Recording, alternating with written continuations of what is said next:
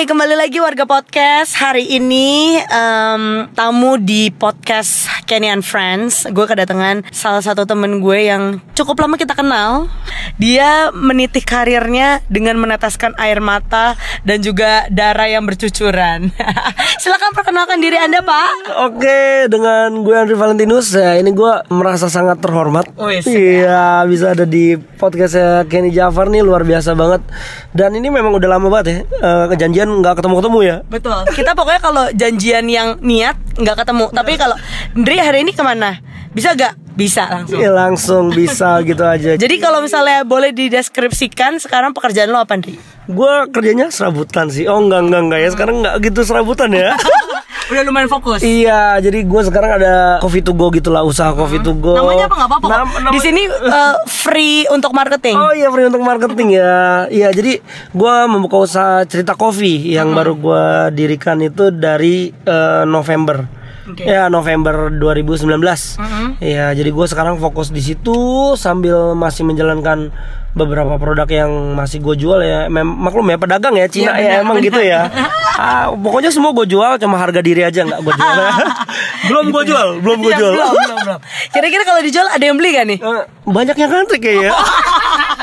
ya, bercanda Oke. ya, bercanda ya. Dri, gue tuh kenal lo eh, dari si Plum itu, terus waktu itu lo pernah jualan iPhone juga, yang sekarang gue pakai. Iya, gue dasar gue tadi pas Kenny lagi story gue ambil Anjir ini yang waktu itu kita cewek di Lipo Mall Puri bukan sih itu Gila keren banget Masih bertahan lo kan Masih bertahan dong. Nanti pokoknya kalau udah iPhone 12 gue belinya malu lagi ya. Ini kayak Kenny ini ini contoh contoh yang bagus dari Kenny dia HP aja nih disayang banget loh. Nah, Udah dia. lama banget loh ini. Uh-uh. Gila. Ah, ya kan HP disayang apalagi kamu. Wih. Ah, jadi selain dia adalah eh, entrepreneur, dia juga YouTube stars, Belum, terus apa lagi? Lu banyak banget loh. Aduh banyak banget gua YouTube ada instruktur combat lo jangan lupa instruktur combat. Oh lu jangan ngeliat lu ketawain gua karena badan gua udah segede gini. Iya maksudnya itu udah pensiun. Iya dulunya instruktur combat. Jadi gua kadang-kadang sampai capek sendiri ya kerjaan gua kebanyakan gitu. Lu coba inget-inget lagi deh, karena kayaknya kerjaan lu lebih banyak dari itu. Sekarang jualan parfum juga. parfum juga gua jual tuh parfum mau parfum badan parfum mobil ya kan. Apalagi gue jual ya kayak deh waktu itu ya. Aduh gila banyak deh pokoknya. Oke oke, sebelum nanti kita ngomongin soal kerjaan lo yang sekarang, eh, bagaimana meniti karirnya, dan pasti gue juga percaya ada ups and down gitu ya. Dulu pertama lu tuh sekolah di mana, terus udah gitu dulu sebelum jualan yang sekarang-sekarang itu pernah jualan apa aja? Karena gue tahu lu pernah jualan jeans juga ngambil sendiri di mana itu di Mangga Dua atau di mana? Coba ceritain. Taman Puring, Taman Puring. Udus Waduh. Oke, jadi gue itu gue sampai SMA aja kebetulan ya, karena gue mau kuliah itu bukan yang mau kuliah tapi memang satu karena keterbatasan biaya yang mengharuskan gue nggak bisa kuliah.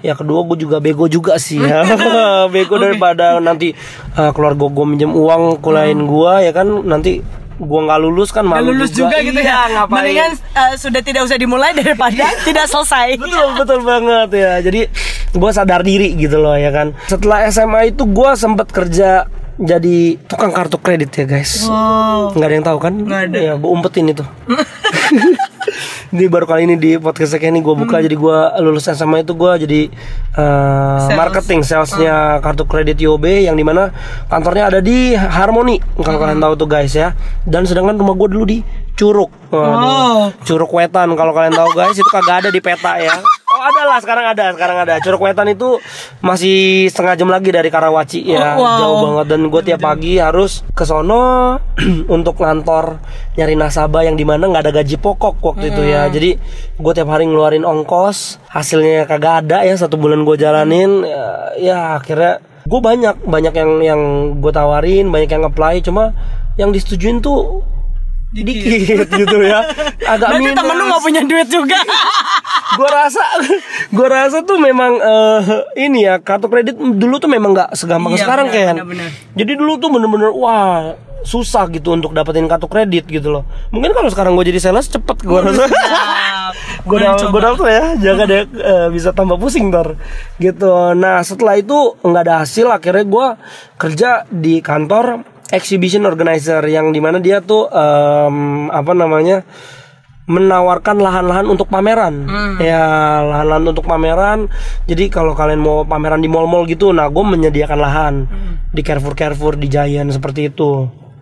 Nah gue di situ jalan satu tahunan. Tuh guys kalau kalian tahu kan kalau kalian pulang nonton malam-malam ada yang masangin karpet gitu buat pameran. Nah itu gue dulu kayak gitu kerjanya Mm, wow. Nah, sesedih itu ya.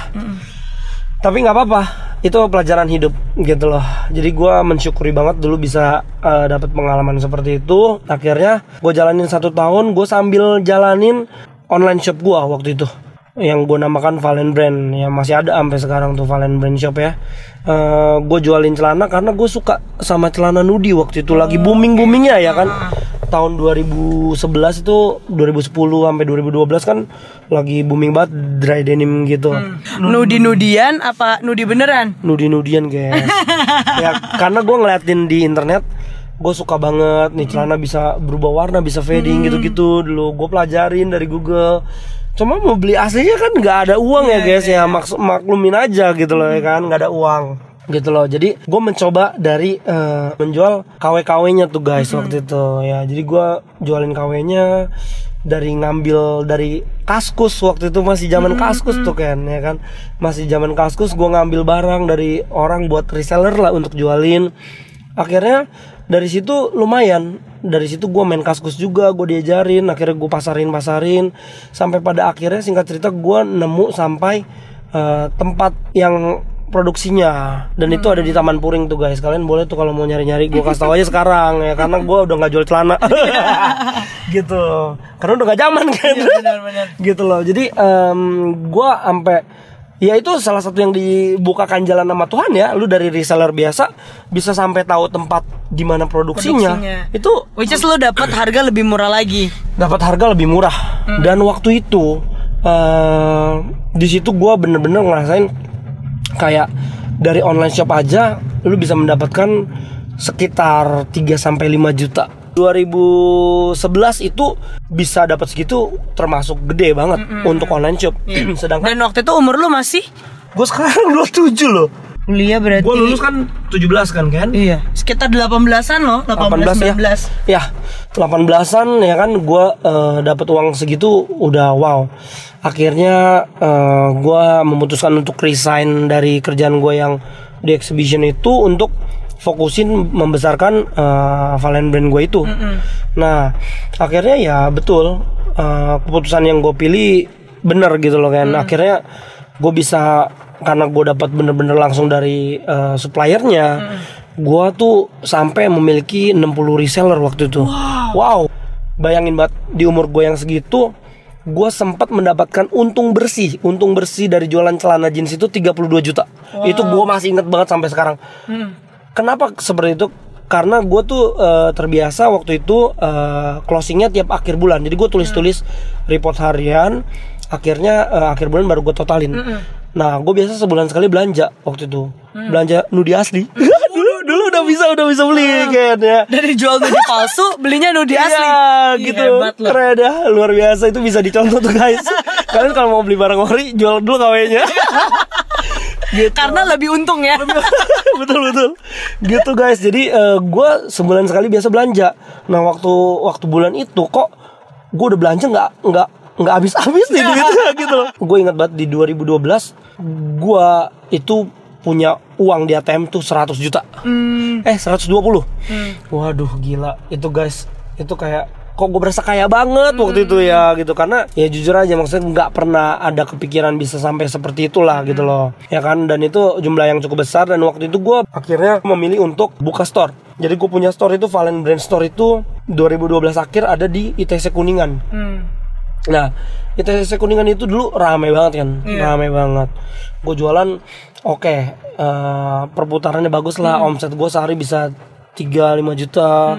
Nah, akhirnya tuh kebanting sama kokas waktu itu kan, Oh, oke. ya kan, Iya. kokas, boom, ITC Kuningan, eh, apa tuh Kuningan City, Iya. hancur lebur. Akhirnya gue kolaps, close di ITC Kuningan di 2013 gitu.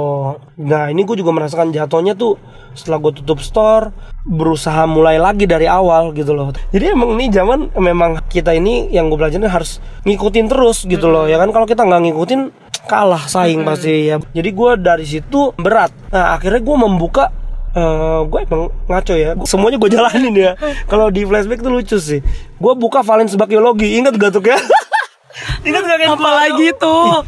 Cream cheesecake, Thai tea. Ya, oh kan iya lagi.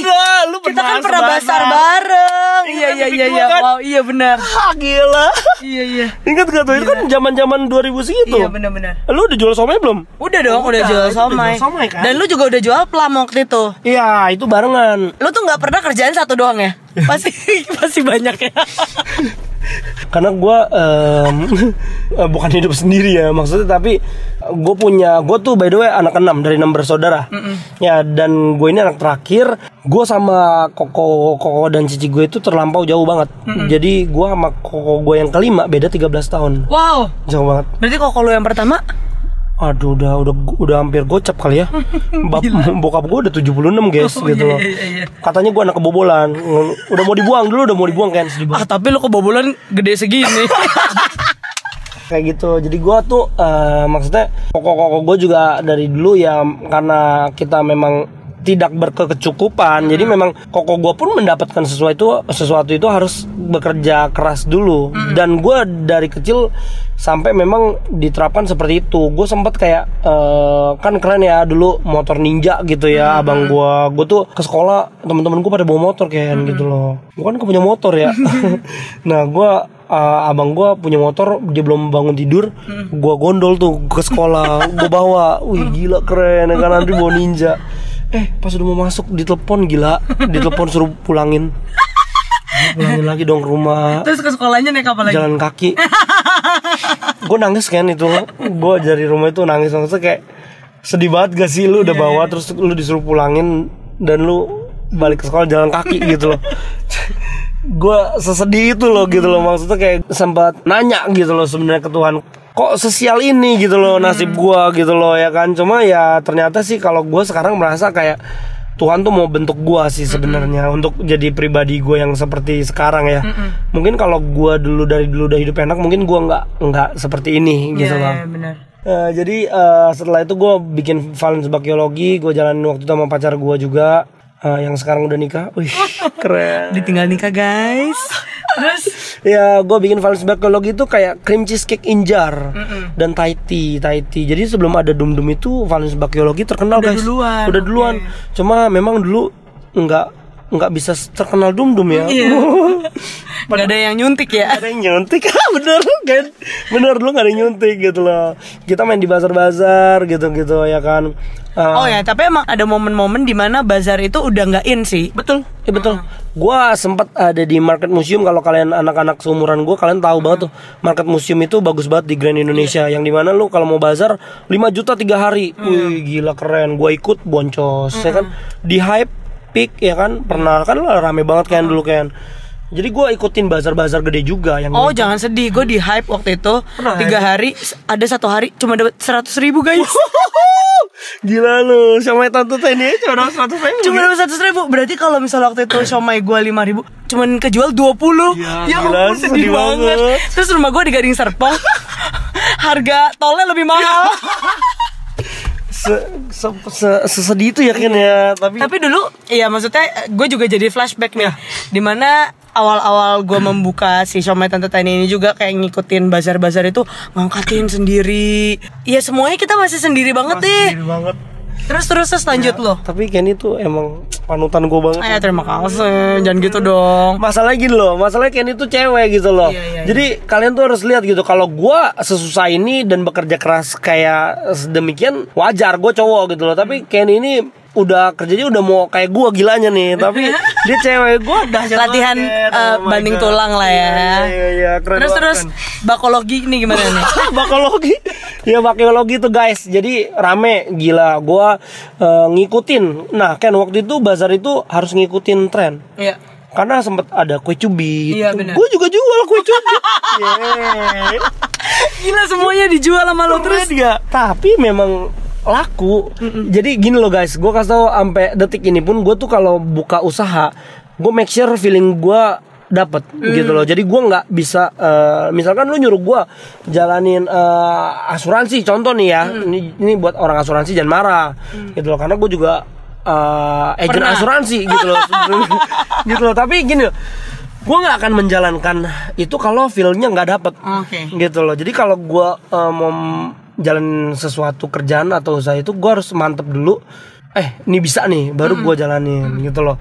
Dan waktu itu akhirnya setelah cream cheesecake injar itu udah menurun eh gua berubah ke haluan ke kue cubit. Akhirnya kue cubit wow kan lagi in innya tuh kue cubit setengah matang tuh guys. Wih, gila gua jago. Rasa maca, rasa Matcha, strawberry, iya, eh, red velvet. red velvet, taro ya kan gue bikin semua tuh guys. Gue jago masak juga. Cuma akhirnya dua tiga kali bazar udah ganti tren lagi. Terus gue berpikir capek nih kalau kita ganti-ganti terus. Akhirnya akhirnya gue udah berhenti bazar. Jadi eh, Valens Bakiologi itu berakhir juga sebenarnya tuh. Gitu guys. Sedih, ya. Tapi ya kita maksudnya gua itu berakhir bukan karena nggak laku ya. Iya. jadi karena memang eh, Trennya udah turun trennya udah turun aja.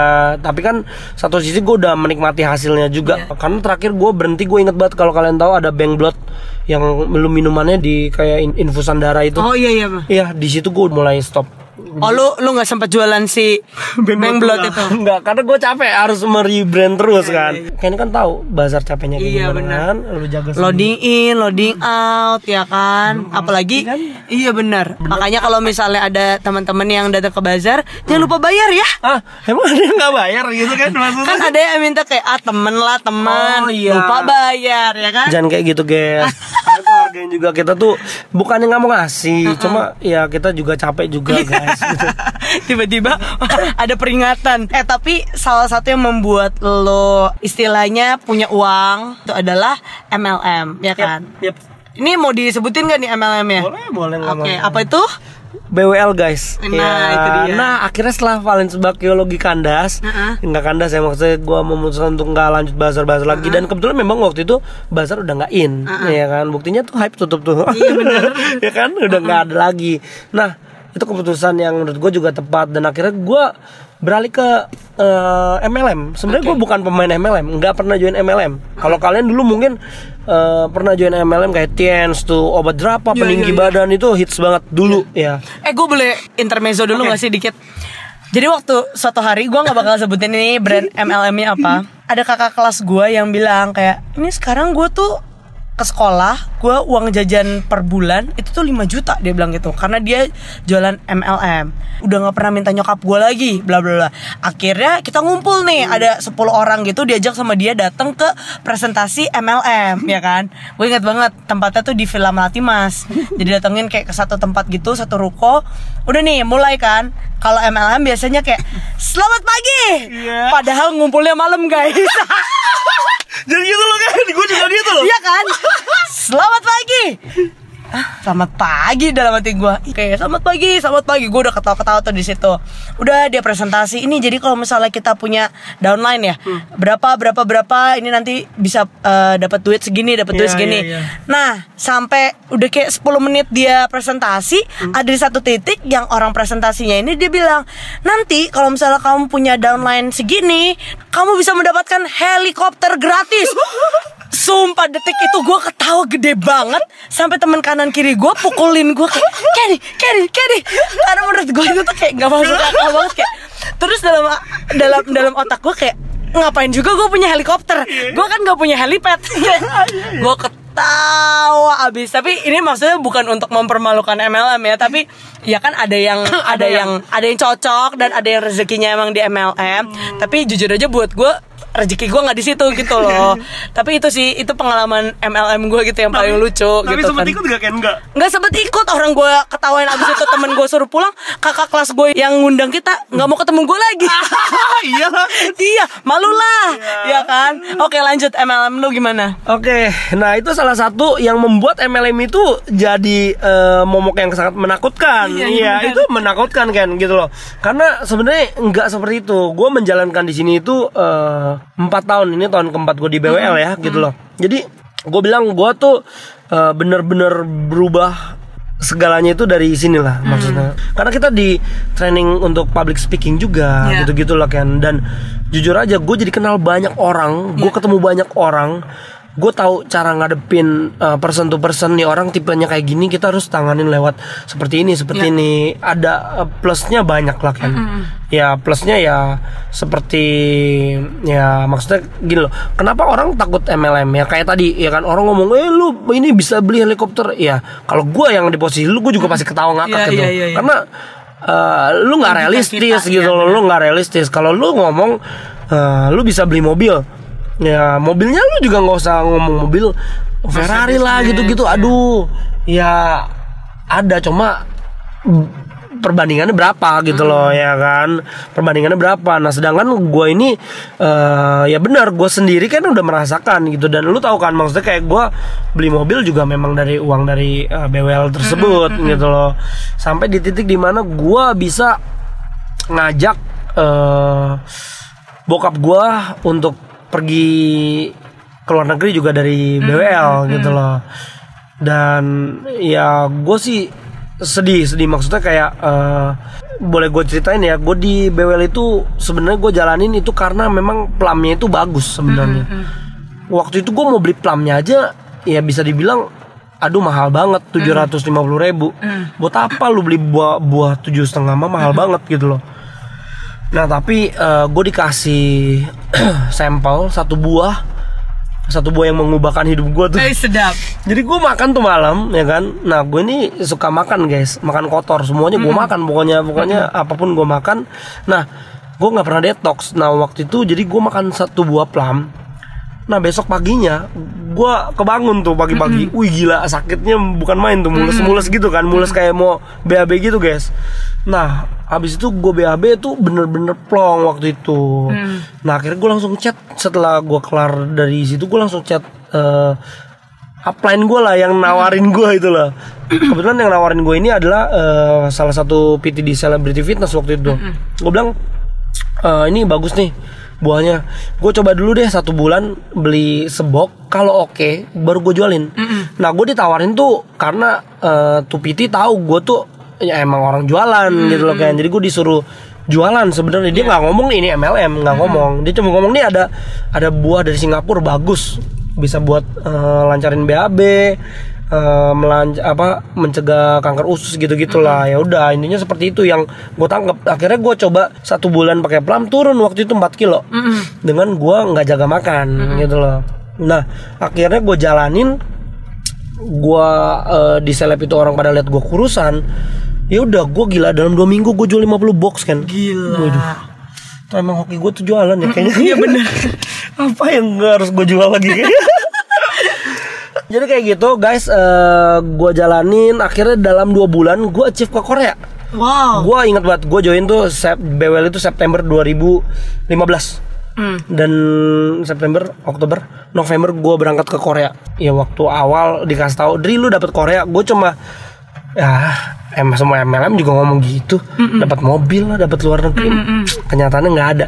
Gue bodo amat, yang penting gue jualan gue laku. Intinya gue cuma Iya. gitu doang kan waktu itu di BWL. Ternyata pas kayak tinggal em, dua mingguan, gue dimintain paspor. Hmm. Boh, gue bilang beneran emang ini. Gue bilang emang ini beneran tah? Iya iya beneran lah nih mau bikin visa segala katanya. Wih gila. Akhirnya gue balik ke rumah, gue bilang ke bokap pak, nih beneran nih mau ke Korea. Di situ nangis lah gitu. Maksudnya kayak lu, aduh. Jangan kan ke Korea guys waktu itu ke Bali aja lu nggak pernah gitu loh. Gue tuh nggak pernah ke Bali loh waktu di saat itu 2015. Gue naik pesawat tuh cuma ke Kalimantan doang waktu itu. pulang kampung karena keluarga gue semua di Kalimantan guys orang Pontianak ya gitu jadi sedih lah maksudnya kayak ya jalan Tuhan lah lu bisa ke Korea dalam waktu Dua bulan. dua bulan doang. Nggak diduga. Gitu loh setelah habis itu gue ke Korea gue pulang dari Korea tambah. Orang wah di situ gunjang ganjing tuh kan gila nih Andri jualan buah bisa ke Korea. Waduh. Rekrutmen dadadadadadat ya kan? Desembernya gue berangkat lagi ke Singapura. Wow. gue berangkat ke China. Banyak banget sih kan Makau, Hong Kong, Shenzhen, Jepang, Korea gue udah dua kali. Hmm. Ke Sydney ke Sydney gue bisa ajak bokap gue wih bokap gue juga nangis itu Iya. aduh ya maksudnya gue sayang bokap gue lah gitu loh gue tuh udah nggak ada nyokap dari gue SMP 3 Oh, Oke. Iya, gue udah gak ada nyokap jadi kayak tujuan gue hidup nggak muluk-muluk gitu loh. Gue lebih mentingin bokap gue seneng daripada gue. Orang lihatnya kan mungkin kayak, ih gampang banget nih dalam dua bulan lu udah bisa ke Korea apa segala macam. Gue pengen tahu sebenarnya kerja keras lu, lu boleh ceritain nggak kerja keras lu tuh segimana gilanya sih? Iya, iya gitu kan. Jadi lu nggak bisa ngomong ini gampang juga. Karena apa? Karena gini loh, lu aja di prospek itu mengumpulkan orang itu, apalagi zaman sekarang. Kalau nggak percaya, lu coba chat temen lama lu guys. Eh, ketemu yuk, weh. Udah pasti lo dia bingung. Ini kalau nggak MLM asuransi nih pasti ya kan. Jadi tipikal gua, gua kasih kalian tahu ya cara gua. Gua tuh nggak mau maksa gitu loh.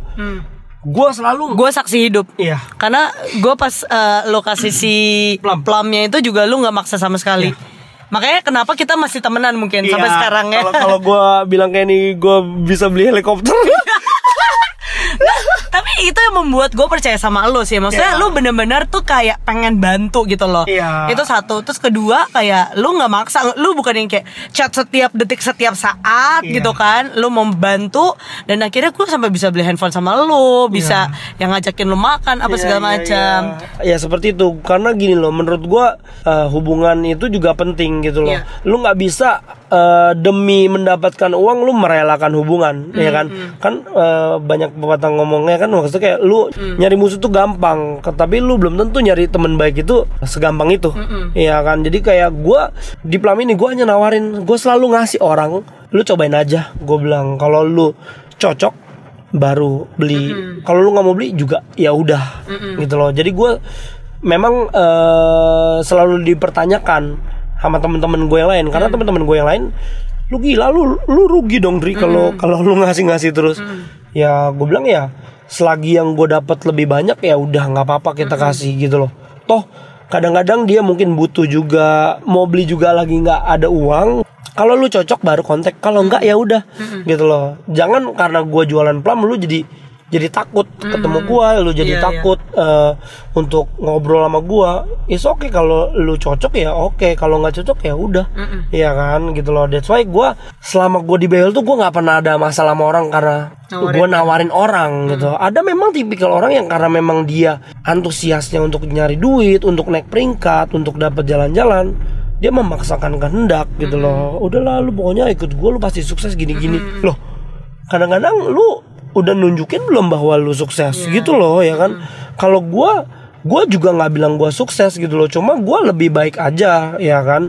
Dengan dengan orang melihat gua bisa beli mobil sendiri gitu loh.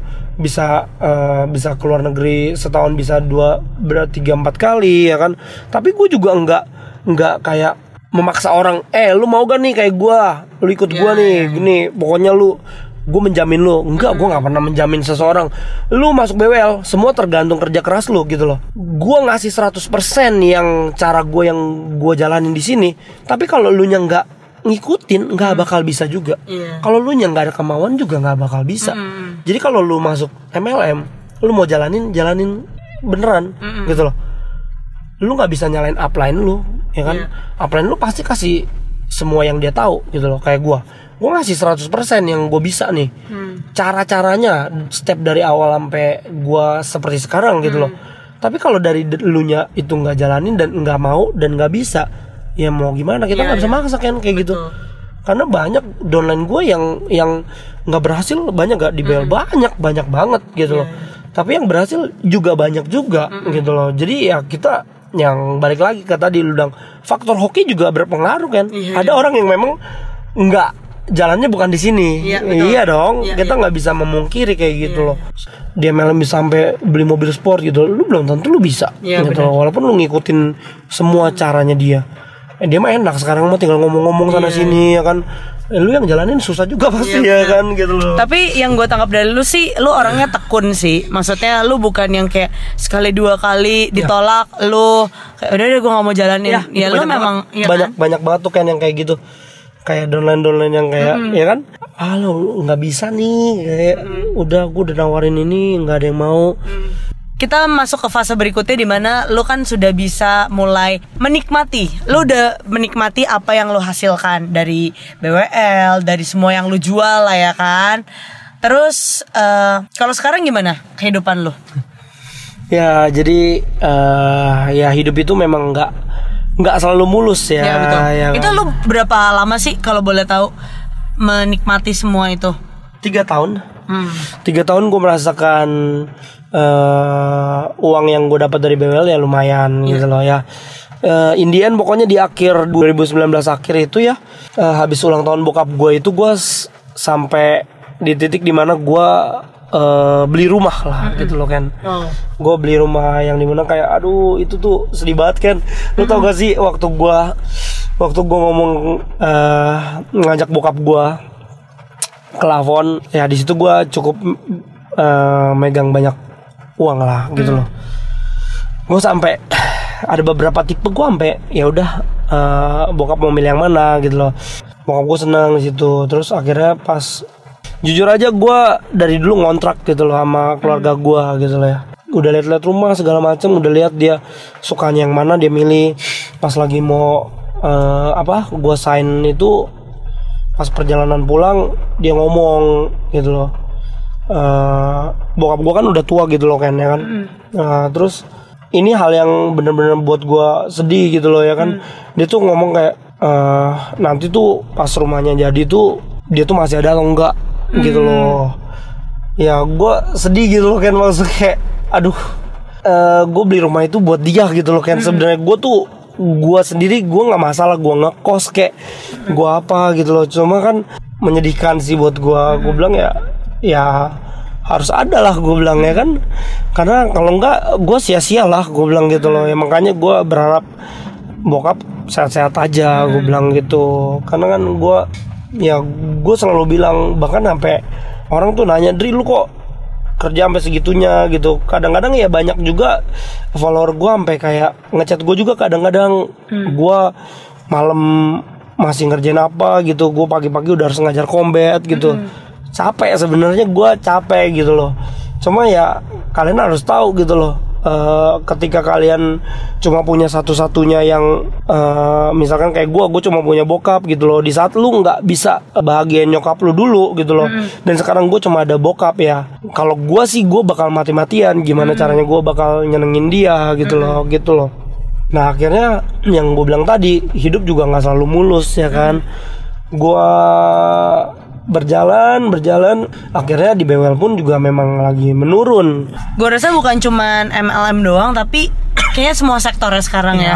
betul. Kayak perekonomian juga lagi gak stabil gitu kan. Apa pun deh, menurut gue gue sekarang juga berbisnis susah, ya kan? Ya betul jadi memang di semua sektor memang lagi mengalami penurunan lah gitu loh dan dan gua juga berdampak ke cicilan gua kan juga jadi banyak gitu loh ya kan. Untuk untuk eh, tuh cicil tuh rumah juga lumayan kan per bulannya gitu loh. Sedangkan gua eh, mobil gue ya tahun ini beres sih. Jadi ada cicilan rumah cicilan mobil ya kan. Pala tambah pusing ya kan gitu loh. Cuma ya eh, menurut gue itu salah satu yang membuat gue tuh harus kerja lebih Iya. gitu loh. Dengan lu nggak ada cicilan atau lu nggak ada target yang jelas lu bakal nyantai-nyantai aja Ya benar. lu bakal nyantai hidup lu comfort zone ya lu kerja ya udah dapet buat lu lu nggak kerja juga nggak kenapa-napa gitu loh tapi kan Terus akhirnya duitnya juga nggak tahu larinya ke mana ya? Iya, iya pas itu pasti nggak jelas ke mana. Kalau kayak gini, lu kerja, ya lu lu jelas nih. Gua harus bayar rumah buat Iya. rumah gua nih. Gua harus bayar mobil buat mobil gua nih, Iya kan? Tapi kalau lu nggak ada cicilan mobil dan cicilan rumah, ya gua nggak nggak suruh lu pada nyicil rumah dan mobil Iya, sih. iya. Cuma maksud gua eh, ini salah satu yang bisa membuat lu tuh berpikir untuk ke depannya gitu loh maksudnya. Kenapa jadi keluar jalur ya itu Iya ya? benar nggak apa-apa. setelah gua ambil rumah itu tiga bulan setelahnya tuh eh, koko gua ini sakit jantung yang di mana harus masang tiga ring Aduh. Nah, dan Avosnya lagi dia nggak ada insurance kan ya lu Lu tau lah masuk nggak insurance lu nih? Eh, gua Masih main nggak? iya guys tuh penting tuh pe- penin nih gue pakai penin bagus nih bisa kontak gua dijamin lah Nggak. Mayan jualan lagi. yang ujung-ujungnya harus sampai menjual dua mobil dia untuk Hmm. berobat dan ya abang gua kan memang eh, DJ ya DJ Hmm. gitu jadi dengan dia sakit kayak gini dia nggak bisa kerja lagi Hmm. kan dan abang gue itu bukan kayak gua yang semuanya bisa gue jual gitu. Abang gua pendiam juga nggak bisa jualan lah bukan tipikal jualan. Kita nggak bisa maksain semua orang jualan kan kan ada memang orang-orang yang memang nggak bisa jualan gitu loh.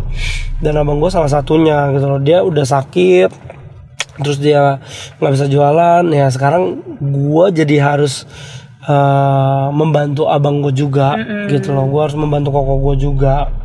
Nah di saat BWL gua lagi down gua harus nanggung semua cicilan ya kan? Em, menanggung keluarga gua gitu loh. Itu berat loh guys.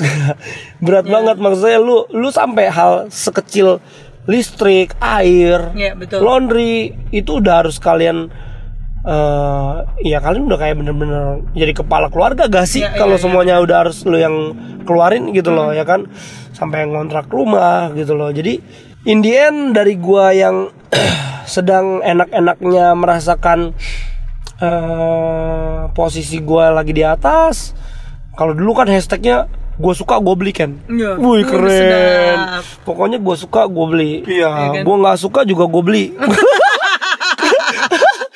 uang ada terus gitu iya, ya iya, benar. tapi eh waktu keadaan lagi berbalik waduh gila sekarang ada barang apa yang bisa dijual jatuhnya ya kan iya, iya, iya. gue akhirnya eh, sampai menjual menjual barang-barang gue gitu Hmm. loh barang-barang yang yang kadang-kadang pas kita lagi susah nih gue baru kayak mikir gue tuh ngapain sih beli beli kayak gini gitu loh Iya banget banget banget. gue ngapain waktu ada duit ini gue beli yang kayak gini gitu loh. barang-barang branded itu ternyata kayak Iya, iya, aduh iya, nggak guna. Terus Dan waktu kita susah barang-barang branded itu nggak bisa nolong kita ya. aduh sumpah nggak bisa. Harganya turun jauh guys. Iya, tapi itu dulu beli emas gitu. Dijual masih masih oke kan? Barang branded itu kalau lu jual harga turun banget tuh. Iya, gitu loh. Di saat kita lagi butuh uang nggak akan nolong sama sekali lah. Gitu loh. Eh, sampai akhirnya gua terlilit hutang kredit card itu ratusan juta. Ratusan juta gitu gua nggak perlu sebutin karena bakal shock juga kalian. Lu stres gak sih momen itu? Waduh stres banget kan Gue tuh sampai tiap hari tuh kayak nangis Gue bingung gue harus ngapain gitu loh. Gue udah ngelakuin ah, semua yang gue bisa gitu loh kan Semua yang gue bisa Tapi tuntutan hidup itu lebih berat lagi gitu loh. Gue tuh kadang-kadang mikir tau Orang-orang yang jualan pinggiran aja tuh bisa bertahan hidup gitu ya.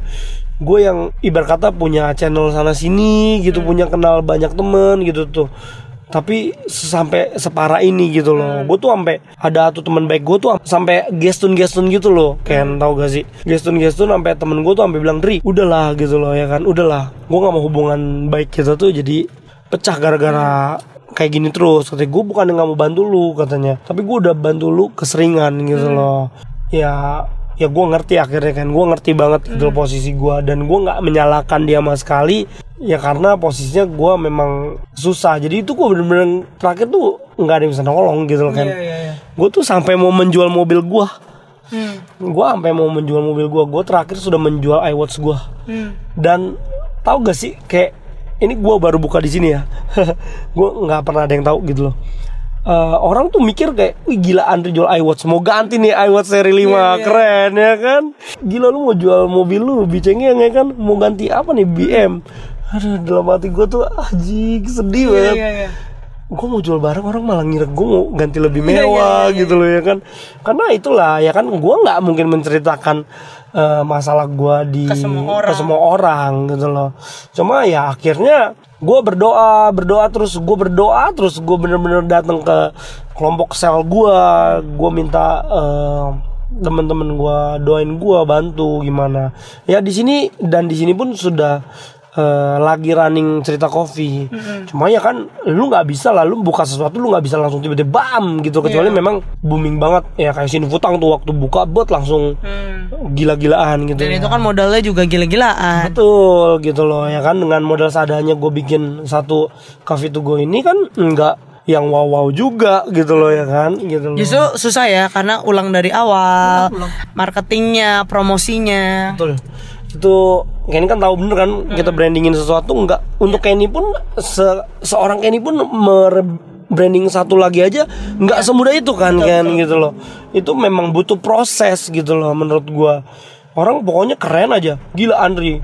Buka kopi ya kan jual iWatch mau jual mobil di dikira nih keren banget ya habis buka kopi. Eh, untung banyak dia mau ganti mobil ya kan. padahal susah guys. Gue susah banget asal kalian tahu gitu loh gue susah banget. Sampai akhirnya terakhir gue dikenalin lah sama teman gitu. Dikenalin sama temen gue dia downline gue lebih tepatnya. Oke. wih gue gue thanks God banget. Menurut gue dia orang yang dipakai Tuhan untuk ngebantu gue Iya. karena gue bener-bener di last minute itu waduh bener-bener deh kan gue tuh udah minta eh, temen gue jualin mobil gue gue sampai minta please bayarin dulu ya kan uangnya ke gue buat gue bayar deadline kredit card gue besok. Karena kalau enggak kalau telat makin numpuk lagi bunganya gede banget Iya, kan iya, iya. nah akhirnya gue di kontak Dri mau jualin parfum gak nih? Ya lu kan jago jualan nih ya. Siapa tahu bisa nambah-nambah dia ngomong gitu kan Tapi dia pun nggak tahu kondisi lu. tahu dia tahu kondisi gua downline gua downline gua sendiri. Ini benar-benar anak gua sendiri ya kan gue juga yang bantu dia untuk eh, dapat hasil juga di BWL gitu. Akhirnya dia bantu gua nih Dri. Udah gua eh, ngasih lu modalnya aja. Dia bener-bener cuma kayak ini modalnya nih udah buat lu aja. Dapat barang murah kita. Iya. gitu. Akhirnya gua coba post dan ini di luar nalar dan di luar logika gua sih Ken. Intinya lah intinya singkatnya gua tuh dalam satu bulan kemarin Februari bisa ngelunasin utang gua. Kredit card gua Wow. dari jual parfum Iya iya. iya. guys mau jual parfum hubungi saya Hubungi. eh guys tapi kalian jangan berpikir gua untungnya gede gitu Iya, loh iya. justru gua untungnya kecil Tapi lu jual banyak. gue jual banyak ya jadi gue dalam satu bulan itu jual 1500 botol memang Wow. ya jadi Itu gokil loh. gue nggak nyangka kan gue gue nggak nyangka dan Tapi gue Di, lu pernah mikir nggak sih apa yang lu tabur itu lagi lu tuai sekarang gitu loh? Maksudnya gini, lu punya downline yang ya waktu lu cari uh, bantuan, istilahnya teman-teman lu udah angkat tangan lah ya, Iya. teman-teman terdekat. Itu kadang-kadang Tuhan lucu ya. Iya, kadang-kadang tuh udah punya masalah bukannya ya udahlah Tuhan bantuin aja selesaiin masalahnya selesai Iya, gitu kan. iya. Tapi Tuhan justru kasih kita challenge lagi gitu. Tapi ketika kita berhasil melewati challenge itu, kita bener-bener seorang champion ya nggak sih? Iya makanya aduh gila gue sedih banget Jadi ya gue nggak nyangka banget sih. Maksudnya gue tuh bener-bener Aduh itu tuh bener-bener nggak nyangka. Karena lu kayak Lu coba Cuma kayak Dri Lu coba jualin gitu loh. Ya udah gue coba jualin gitu loh. Gue cuma ngepost doang di story. Gue ngepost only story tiba-tiba langsung rame terus langsung pada mau jualin. Ya dan gue pun waktu saat itu kayak ya udahlah gue nggak mau ngasih eh gue jujur aja gue satu uh, reseller gue itu gue cuma naikin 50.000 ribu. Hmm. ya eh, ternyata dari reseller gue itu luar biasa gitu loh. Gue jual sendiri juga banyak dari reseller gue juga banyak gitu loh. Bayangin loh itu last minute gue udah minta tolong buat bayarin mobil. mobil gue karena gue mau mau bayar kredit card kan gila. Dan sekarang gue bisa ternyata lega banget hidup tanpa utang Iya bener bener bener bener. Gila gue lah Oh ya guys by the way Rumah yang gue beliin buat bokap gue Gue cancel. Karena kemarinan itu gue udah gak sanggup bayar. Hmm. Gitu loh. Cuma gue gua berani pastikan Gue pasti bakal beli Buat dia lah. Amin. Mudah-mudahan ya. Kalau Tuhan ngizinin eh Gue pasti gue ganti nanti eh, Rumah yang udah gue cancel gitu loh Hmm. Kadang eh gue gue percaya banget sih ada satu quotes yang bilang kadang-kadang lebih baik kita mundur dua langkah untuk kita bisa loncat lebih jauh lagi daripada kita uh, jalan satu langkah satu langkah tertati-tati akhirnya jatuh gitu loh. Lebih baik kita ya mundur dulu aja untuk kita bisa loncat ya nggak sih? Hmm, betul dan ya jangan malu kalau misalkan eh, kalian lagi jatuh, kalau kalian lagi failed karena memang ya hidup ya kayak gitu gitu loh. betul. Hidup kayak gitu. Jadi nggak selamanya lo di atas, nggak selamanya lo di bawah gitu loh. Buktinya maksudnya kayak ini kan epic comeback lah. Maksudnya gue dalam aduh itu nggak masuk logika gue tuh sampai sekarang tuh sampai kayak hah satu bulan tuh gue bisa bisa gue kelarin gitu loh. Iya, yeah, iya, gue yang kayak gue tuh udah nggak ngerti lagi gue gimana nih bulan depan gitu loh. Gue sampai terakhir-terakhir tuh ada aduh sedih banget gila pusing banget gue tiap hari kayak cuma berdoa gue nangis gue bilang gue gimana ya? Gue dikuatkan juga lah. Gue maksudnya gini-gini walaupun malam gue ke Holy Wings gue paginya Holy Spirit gitu Hmm. Wih, loh. sedap. sedap ya. Jadi balance gitu. Dan satu hal yang membuat gue bertahan itu adalah ya bokap gue sendiri gitu loh. Hmm. Jadi ya kayak gue mikir kalau misalkan uh, gue nggak ada gimana gitu loh Hmm. bokap gue ya kan mungkin kalau kalau bokap gue udah nggak ada mungkin beda cerita ya kan ya Hmm. bener-bener berserah deh Eh, jalan Tuhan nggak ada yang tahu gitu loh Hmm. ya kan bener-bener gue merasa ini bener-bener yang pertolongan Tuhan ini bener-bener di last minute banget yang Hmm. di saat lu udah nggak tahu mau apa-apa tiba-tiba Tuhan kasih nih ya kan Hmm. ini orang jebret dan luar biasanya lagi guys eh, sekarang ini cerita kopi ini gue lagi ngerjain empat empat proyek untuk franchise. Ya, ya. Iya jadi kayak gue merasa gila. Tuhan kalau lagi buka ini Jalan. jalan tuh luar biasa. Iya, gue langsung selalu teringat dengan yang itu kan apa sih kan yang ujilah aku? Mm-mm. ya kan? Maka akan ku buka uh, tingkap-tingkap langit. kepadamu itu. Gue selalu berpegang teguh pada itu sih. Maksudnya kayak ya sekarang tuh wow dahsyat banget gitu gue iya jadi bener-bener comeback lagi gitu loh. Tapi ya memang terlepas itu semua ya ah, tetap harus usaha juga lah. Lu nggak bisa Iya, lu benar. berdoa nangis-nangis tapi lu nggak do nothing itu Iya, nggak bisa juga gitu loh. Gue pun gue pun kemarin jual parfum juga ya ampun kagak tidur tidur Hmm, kan bener-bener gue nggak tidur 2-3 jam bangun udah harus combat lagi Iya, iya. habis ngajar combat boro-boro mau tidur urusin lagi cerita kopi wede gila dasar Nih, bener. by the way kalau misalnya mau franchise eh, cerita kopi bisa ya? bisa cerita kopi mumpung lagi in banget nih Mumpung belum semahal yang lain-lain ya. betul ini, ini belum halo bentar lagi naik harga loh kan. Ini orang marketing kayak gini. Luar biasa sih. Nggak kerasa kita udah ngobrol satu jam Dri. Dan gue gue percaya banget nggak ada yang kebetulan sih. Iya, iya. Dan pastinya teman-teman yang dengar podcast gue semoga bukan semoga pasti ada nilai yang bisa uh, diambil juga. Dan kesaksian hidup lo gokil banget sih Indri. Gue berdoa supaya lo semakin sukses. Amin. Dan mungkin lo ada kata-kata terakhir buat pendengar podcast gue kayak satu quotes atau satu value atau mungkin yang menjadi apa ya pegangan hidup lo gitu. Kalau gue sih dari dulu cuma eh, satu aja ya guys ya maksudnya kayak gue selalu mikir tuh eh, if better are possible good are never enough itu maksud gue itu adalah ketika Ah, kalian- boleh pakai bahasa Indonesia nggak pak? Oh iya. Ya, jadi maksudnya misalkan kalian udah good nih, udah jadi eh, someone good, udah menjadi orang yang oke gitu loh. Tapi kalian sebenarnya bisa melangkah lebih jauh lagi. Ya udah kalian better take action. Better kalian berusaha lagi gitu loh. Karena eh, kalian nggak bisa di comfort zone gitu-gitu Ya, aja. ya, ya, gitu loh. Bukannya menyuruh kalian untuk eh, ada juga kan kan yang sangat berantusias untuk menjadi yang utama, yang menjadi yang paling wow. Ya. Nggak usah seperti itu, tapi kalian tahu kalau misalkan limit kalian masih bisa di atas itu, ya kalian jangan stop di situ. Ya ya ya. Gitu loh, kalian harus bisa explore lagi diri kalian seperti apa dan ya jangan nyerah sama keadaan sih, Ya, ya. gitu loh. Wow.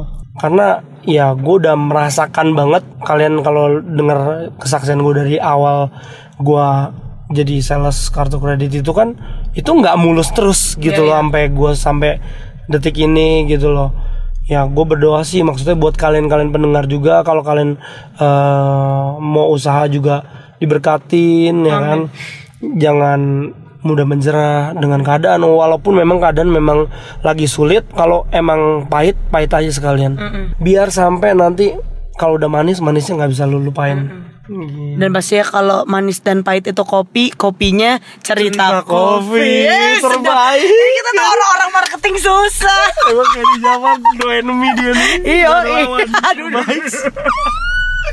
Oke, Indri, terakhir kali banget kasih tahu semua sosial media lu, semua jualan lu, silahkan.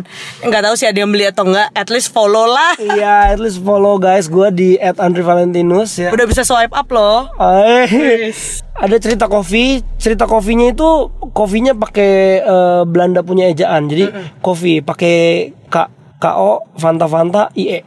Coffee terus ya Valen Brand Shop boleh kalau kalian mau eh, memulai bisnis apa parfum-parfum jadi reseller gitu. Oh Ya iya guys, kalau kalian butuh foto-foto produk makanan, branding branding makanan ya, resto-resto. Ah, tapi enggak guys, udah nggak bisa ketampung. Oh, udah gak bisa ketampung Ya gimana sih dia promo udah kagak bisa nampung klien Ya itulah Terima kasih sekali lagi you, thank you Indri. See you See you guys. Bye.